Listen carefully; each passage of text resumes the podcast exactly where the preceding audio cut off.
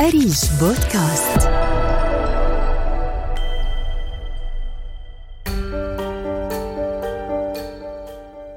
كورونا المرض الذي لا زال يثير الكثير من التساؤلات حتى بعد انقضاء الجائحة. برغم أن البعض قد يقولون إن الجائحة لا زالت تعيش بيننا. كثيرون ممن أصيبوا بكورونا ظهرت عليهم أعراض لم يفهموها. البعض أصيب بنوبات صداع شديدة البعض الآخر فقد كمية كبيرة من الطاقة فلم تعد لديه القدرة على الحركة والنشاط كما في السابق. أصبحت هذه الأوجاع غير مفهومة وغامضة وهذا هو عنوان تحقيق من أريج في إطار حاضنة ابتكر للتحقيق. سعيدة بأن يكون معي اليوم في حلقة جديدة من بودكاست أريج. الصحفية سامية علام والصحفي ربيع عيد وهما صحفيان كانا جزءا من إنتاج هذا التحقيق وجزءا من حاضنة ابتكر للتحقيق. آه، بداية سامية وربيع أهلا وسهلا فيكم معنا ببودكاست أريج. كتير سعداء باستضافتكم لهذا الشهر وأيضا يعني سعداء بالاطلاع مؤخرا على تحقيقكم الوجع الغامض. بس بداية أكيد بنحب نتعرف عليكم أكثر. فإذا بنبدأ فيكي سامية احكي لنا عن حالك احكي لنا عنك أكثر وبعدين ربيع إذا ممكن. مرحبا سامية وأنا سامية علام صحفية مصرية حاصلة على بكالوريوس إعلام قسم صحافة من جامعة القاهرة. أنا بشتغل بدوام كامل في رصيف 22 وبكتب مجموعة من المقالات الرأي والتحقيقات عن المرأة وحقوق الإنسان بشكل عام وتحديدا الفئات المهمشة هو مجال اهتمامي الصحفي في عدة مواقع عربية. آه، وأخيرا ابتديت أهتم بمجال تدقيق الحقائق وبتمنى أنه قريبا يعني أكون بلس أنه صحفية أكون مدققة حقائق. جميل. شكرا لك سامي ربيع. تفضل. سلامات. سامي أريج وسامي الزميلة في الحاضنة أنا آه، ربيع عيد آه، صحفي من فلسطين. صار لي أعمل في الصحافة يعني تقريبا 12 أو 13 سنة. آه، بالأساس صحافة مكتوبة ورقي وأونلاين. بالأساس عملي كان في البدايات عن فلسطين وتغطية أخبار وأحداث جارية. وبعدين رحت أكثر على قضايا يعني أكثر متعمق إن كان في حوارات أو تقارير مطولة آه، وأيضا آه، تحقيقات استقصائية. جميل جدا. شكرا ربيع وشكرا سامية. آه يعني يمكن آه الطريقة اللي عرفتوا فيها عن حالكم تقودني إلى تساؤل يتعلق بموضوع التحقيق اللي اشتغلتوا عليه سوا. أول إشي هيك بشكل سريع بس كيف آه العمل على تحقيق مع شخص آخر. يعني لما الواحد بيكون على راحته إيه خلص بيكون على راحته بس لما بيكون ضمن مجموعة أكيد بيكون الموضوع أصعب. أه صراحة إحنا كنا تقريبا كلنا لأول مرة بنعمل تحقيق جماعي وهو مش بس تحقيق جماعي هو تحقيق عابر للدول. عابر للدول من أربع دول عربية أه مختلفة. كل واحد فينا ما سمعلوش إنه تقابل وجها لوجه مع الزميل أو البارتنر الآخر في الفريق. كلنا آه كنا بنبتدي نعرف يعني إيه عمل جماعي وفي مجال صعب شوية إنه موضوع متعلق بالصحة والمصادر بتاعته مش سهل التعامل معاها. آه بصراحة كلنا كان عندنا نفس الرغبة إن إحنا آه نقدم شيء آه قيم فكلنا كنا متعاونين وكلنا كنا بنحاول نساعد بعض. ففي النهاية أنا حاسة إنه لا خرجنا بتجربة كويسة. طبعا مش كل الوقت يعني even لو انت بتشتغلي لوحدك بتكوني ساعات آه، كسلانة وساعات متحمسة وساعات نشيطة وي وي فطبعا لما تكونوا أربع أشخاص من أربع دول مختلفة من خلفيات مختلفة باهتمامات وتخصصات مختلفة من المنطقي جدا إنه يحصل آه، فروقات ويحصل ups and downs ويحصل اختلافات في الرأي. فطبيعي إن إحنا لما وصلنا للمرحلة دي كلنا في, في النهاية ما كانش حد فينا بيحاول يعرقل الموضوع. حتى الاختلافات أو ال ups and downs حصلت يعني بس بالصدفة أو نتيجة سوء فهم أو كذا. ونشوف كمان الموضوع من زوايا مختلفة. يعني أحيانا كمان الشخص فينا بكون غرقان في العمل آه، ومركز على قضية معينة ممكن شخص آخر يشوفها من زاوية أخرى أو يقترح يعني مداخل مختلفة للعمل أو اقتراحات لتطوير مسار العمل. فهاي كمان كانت مهمة. جميل جدا. يعني ربيع بتكرر التجربة إنك تشتغل مع مجموعة صحفيين بأماكن مختلفة بخلفيات مختلفة؟ الصراحة أشاركك إنه أنا يعني مؤخرا عم بعمل على تحقيق وكمان مع كمان زميل بمكان آخر. فإنه يعني اوريدي عم بكرر التجربة. طيب يعني خلينا نحكي أكثر عن التحقيق. آه الوجع الغامض يعني عم تحكوا على موضوع آه الكوفيد موضوع كورونا ولكن آه بسياق مختلف عن جميع السياقات اللي بالعادة يتم تناولها. فسامية إذا بدي أسألك لماذا هذا الموضوع بالتحديد؟ طيب هنبتدي من حاضنة افتكر تمام التحقيقات. إحنا كنا في آه، الحاضنة لمدة آه، سنة مع آه، أريك.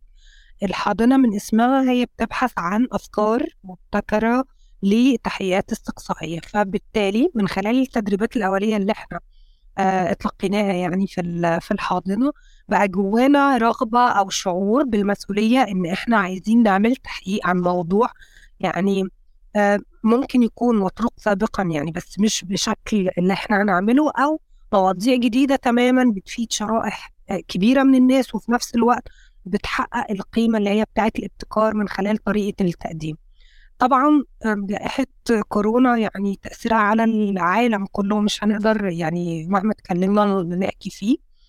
آه، فكنا حابين إن إحنا نركز على آه، الجائحة والمواضيع المتعلقة بيها. فمن خلال بحثنا ومن خلال آه، قراءتنا في المصادر العربية والأجنبية اكتشفنا قد إيه إنه في تحذيرات جاية من علماء وأطباء عن آه، بين قوسين جائحة ما بعد الجائحة.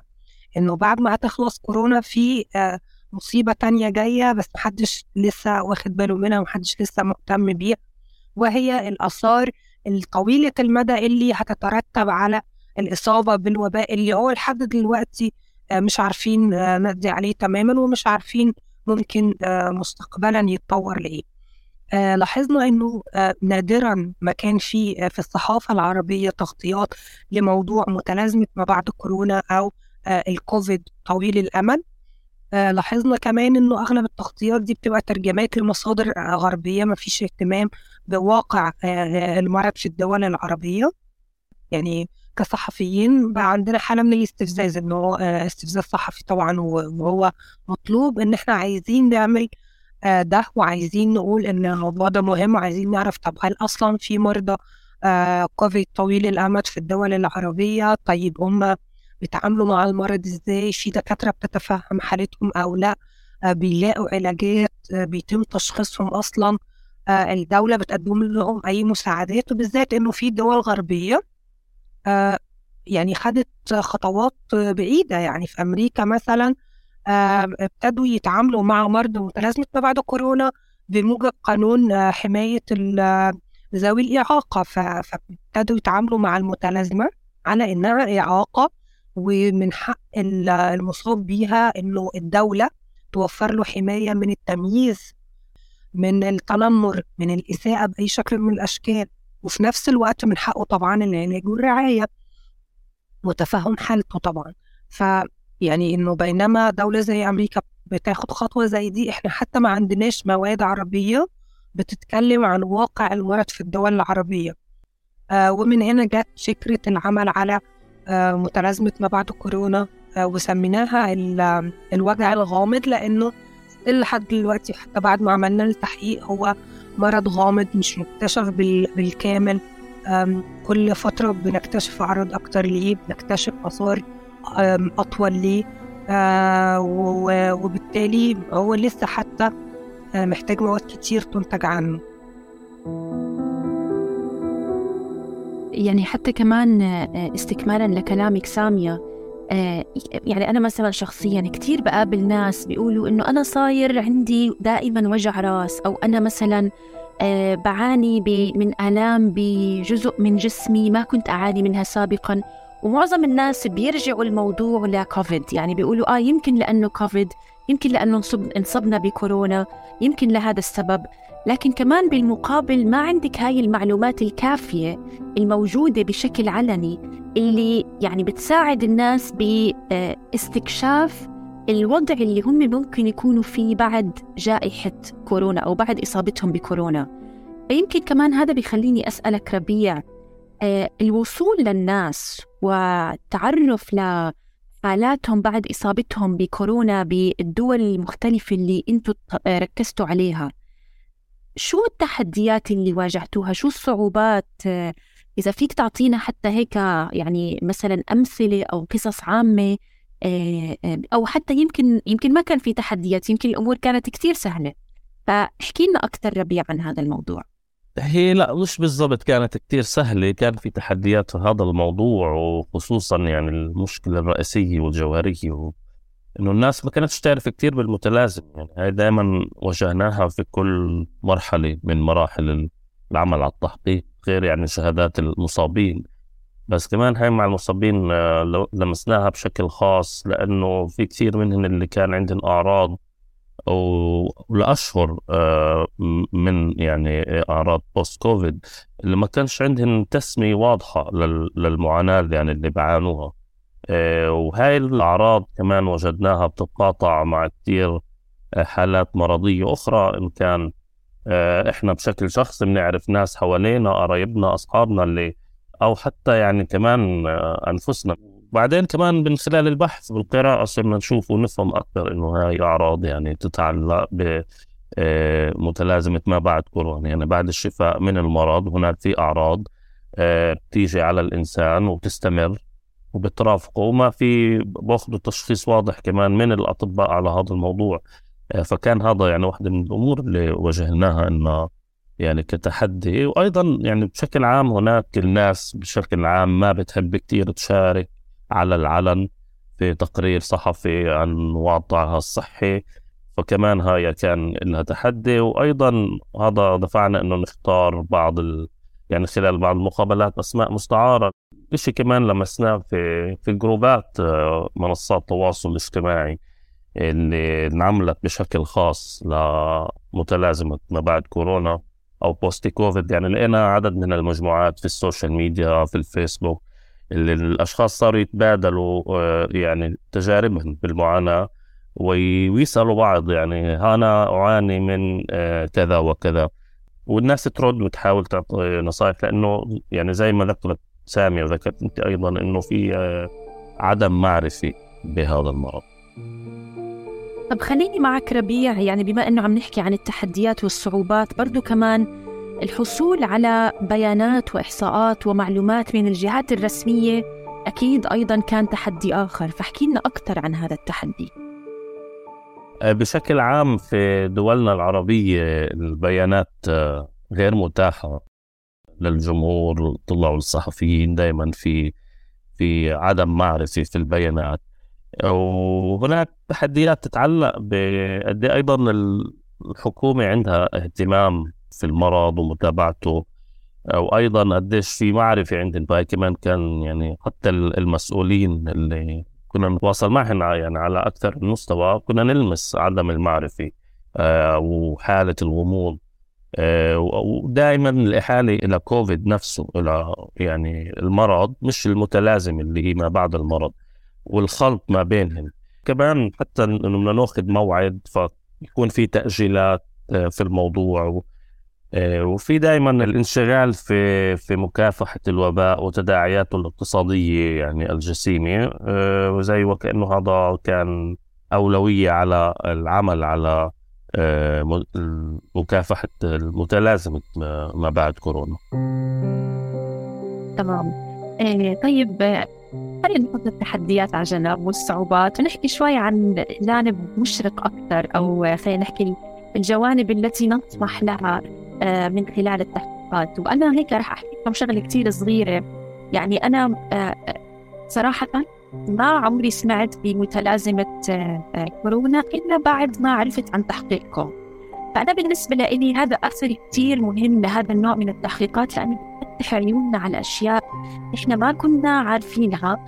ويعني بتدور حوالينا كثير شائعات وكثير أفكار مغلوطة ومش صحيحة لكن بيجي تحقيق مثل هيك يعني بينورنا أكثر مثل ما بنحكيها.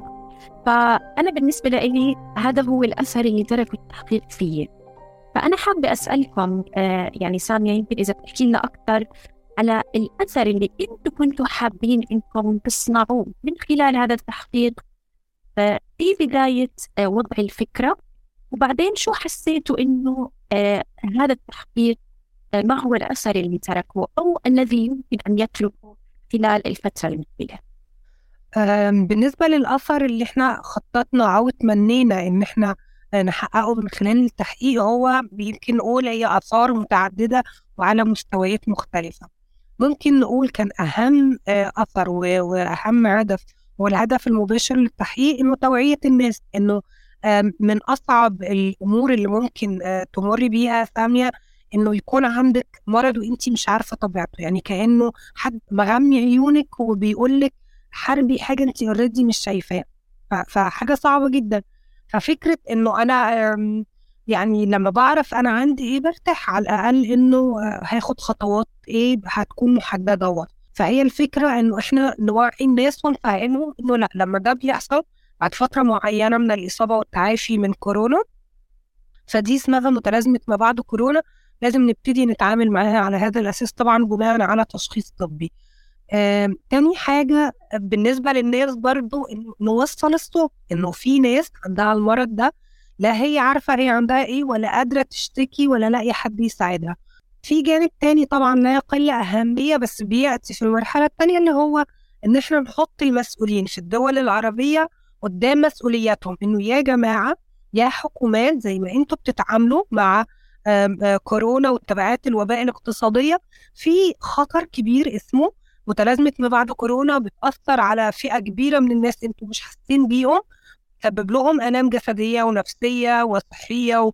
و... ومهنية واجتماعية كمان. لأنه في جوانب للمتلازمة بتأثر على حياتك تخليكي غير قادرة على إنه تتفاعلي مع عيلتك. إنه أنا مصدعة ونفسيتي سيئة أو إن أنا مش قادرة أشم أو أتذوق الأكل فاللي حواليا شايفيني بتدلع فبيبقى لود أكتر عليكي كتير كتير يتحكى عن المتلازمة صراحة وعن القصص اللي إحنا أوردنا بعض منها في التحقيق. كمان الكوادر الطبية كان مهم من خلال التحقيق نوضح للأطباء في مختلف التخصصات إنه في مرض جديد اسمه متلازمة ما بعد كورونا.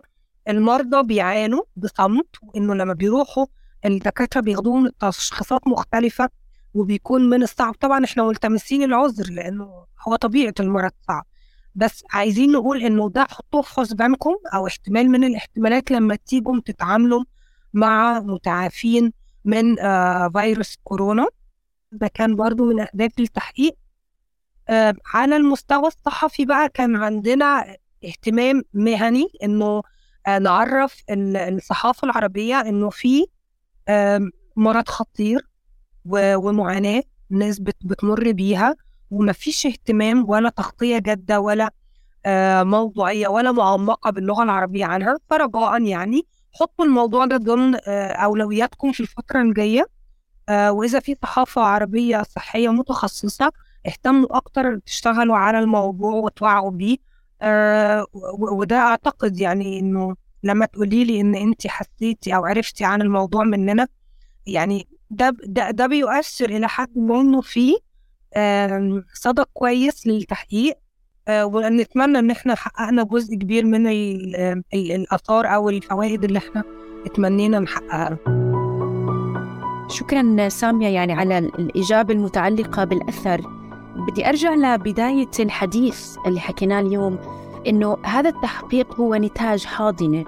ومفهوم الحاضنة عنا بالصحافة أو بالعالم العربي بالتحديد هو مفهوم جديد.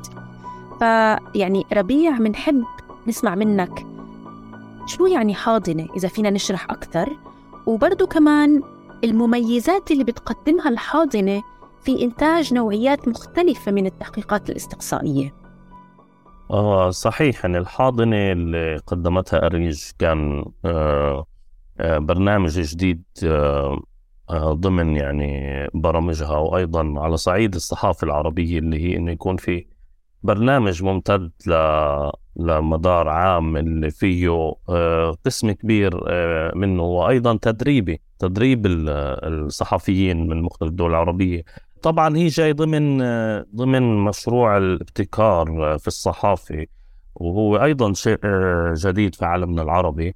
مع إنه في العالم الغربي اليوم موضوع الابتكار الإنوفيشن في الصحافة شيء يعني صار له موجود يعني أكثر من عقد من الزمن وعليه يعني كثير برامج ومؤسسات حتى في برامج آه، تدريس آه، في الجامعات تختص يعني بالصحافة والابتكار. وهذا موضوع باعتقاد يعني كيف آه، أريج مثلا سعت وعملت إنه يكون في عالمنا العربي الصحافة الاستقصائية جزء لا يتجزأ من العمل الصحفي. أفكر إحنا أنه لازم نجعل الابتكار جزء لا يتجزأ من الصحافة الاستقصائية. وهذا مسار طويل وبحاجة لإعداد داخل المؤسسات الصحفية والانكشاف والتعلم يعني شو يعني ابتكار. لأنه هناك في عدم معرفة كبيرة في هذا المجال ومازال جديد وكمان بتعلق في في ظروف آه، العمل الصحفي في بلداننا العربية اللي بتواجه كثير تحديات إن كانت أمنية أو أو غيرها أو مادية اللي بتمنع وجود وتشكل يعني أساسيات عمل صحفي. وأنا مؤخرا يعني خلال مشاركتي في في ملتقى أريج الخامس عشر يعني هيك قدمت مداخلة ضمن ضمن هذا الموضوع وهو هو يعني بتعلق يعني بستغل هاي الفرصة نحكي شوي إنه الابتكار هو عمليا يعني زي mindset عقليه لأنه إحنا نفهم آه، كيف نشتغل على الموضوع اللي بدنا نشتغل عليه. وهو مرتبط كثير بالتطور التكنولوجي اللي صار آه، في العالم والأسئلة اللي تطرح على مهنة الصحافة في المستقبل وكيف نجعل الجمهور آه، كفاعل في الموضوع اللي بنشتغل عليه. يعني ما نفكر بالجمهور فقط كمتلقي هو أيضا فاعل. جميل جدا يمكن بس بدي أمسك آخر آه، آه، جزء حكيته ربيع والمتعلق ب إنه الصحفي it's mindset يعني هي طريقة تفكير أو هي عقلية إذا بس بدك يعني هيك تعطي نصيحة للصحفي لحتى يقبل على تبني موضوع الابتكار بعمله الصحفي شو ممكن تعطيه نصيحة؟ يعني في البداية القراءة والاطلاع على ما يعني يكتب وينتج حول الابتكار في الصحافة آه هذا الاطلاع مهم لأنه زي ما حكي ما حكيت إنه هو عقلية mindset فإحنا في إشي في في العقلية التقليدية لعملنا الصحفي بده يتغير لأنه عالم الصحافة آه، جدا متغير خصوصا لأنه صار مرتبط بالتكنولوجيا وكلنا بنعرف قديش التكنولوجيا اليوم عم بتكون متغيرة. فهو آه، في بداية العمل إحنا يمكن متعودين نبلش في قضية من موضوع يلا بنبلش نشتغل. لا أنا شو بدي أعمل؟ أنا إيش بدي أصل للجمهور؟ كيف بدي أصله؟ ومين هو جمهوري؟ وكيف ممكن أتفاعل معاه؟ يعني هاي أسئلة جدا مهمة نطرحها. وإنه يكون المنتج تبعي مرتبط بالجمهور مش بس إنه أنا نشرته وهذا هو. وكيف ممكن إنه هذا المنتج آه، يتفاعل مع الجمهور؟ فهاي أسئلة مهمة لأي صحفي معني آه، يعني يبلش يشتغل ضمن آه، الابتكار في الصحافة يطرحها على نفسه جميل شكرا لك ربيع آه، سامية سريعا أيضا كيف ممكن نخلي الابتكار جزء من العمل الصحفي؟ آه طيب أنا بشوف إنه الصحافة بوجه عام يعني قرينة الابتكار ليه؟ لأنه مثلا آه إذا الصحافة مهنتها يعني مهمتها الأساسية الإخبار أو الكشف عن الحقائق وفتح الفساد. فدي كلها حاجات بقت بتحصل دلوقتي بطرق مختلفة يعني مش بس عن طريق الصحف ووسائل الإعلام. عندنا السوشيال ميديا أكبر دليل إنه واحد من أي موقع بأي تخصص أو أي مجال يقدر يقوم بثلاث وظائف يكون عنده متابعين وعنده وعنده فبالتالي الصحافة آه وتحديدا الصحافة الاستقصائية مطالبة دايما بإنها تكون مبتكرة مبتكرة من حيث المواضيع اللي, بتتناولها من حيث آه، طرق عرض المواد أو المحتوى اللي بتقدمه وكمان من حيث الأهداف ومن حيث الوسائل والأساليب اللي بتعتمدها تماما زي ما قال ربيع من شوية. فبالتالي إنه إذا ما فيش ابتكار مش هيكون في صحافة أو مش هيكون في استمرارية.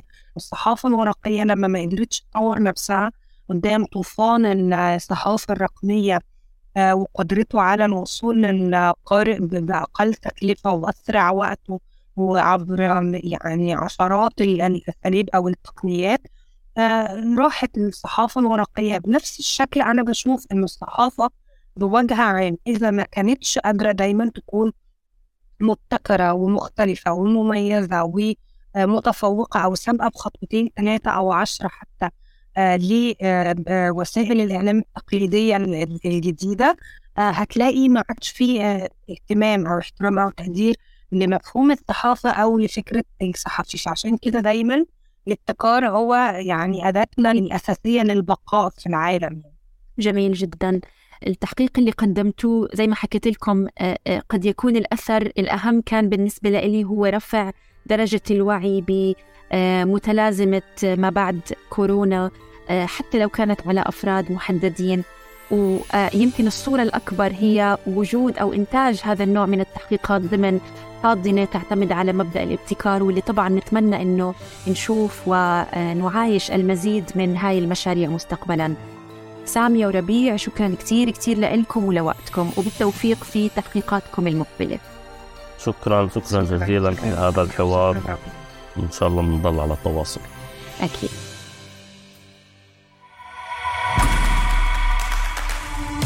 كان هذا أريج بودكاست.